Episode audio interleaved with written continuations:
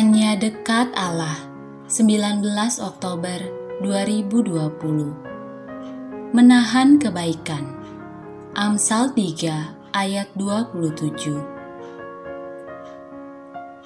Janganlah menahan kebaikan daripada orang-orang yang berhak menerimanya. Padahal engkau mampu melakukannya. Demikianlah nasihat penulis kitab Amsal kepada pembacanya.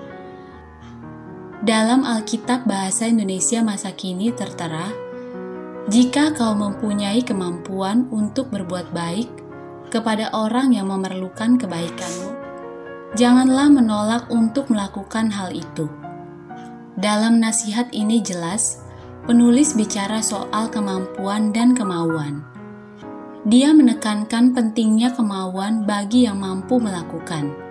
Kemampuan itu sendiri merupakan berkat. Tak semua orang mampu melakukan. Nah, ketika kita memang mampu, mengapa pula tidak melakukannya?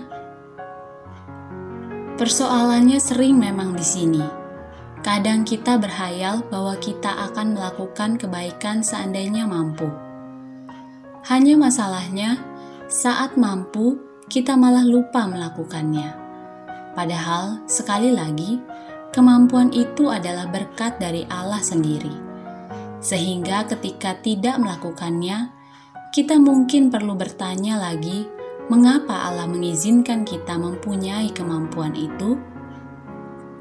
Sekali lagi, persoalannya sering memang di sini. Ketika kita mampu, kemauan itu mendadak sirna.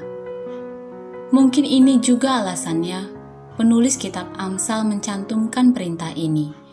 Janganlah menahan kebaikan. Kelihatannya kebaikan memang sesuatu yang otomatis mengalir, seperti air yang selalu mencari tempat rendah dan mustahil ditahan dan kebaikan itu sesungguhnya memang dari Allah asalnya. Sehingga aneh rasanya jika kita malah menahannya. Salam semangat dari kami, literatur perkantas nasional, sahabat Anda bertumbuh.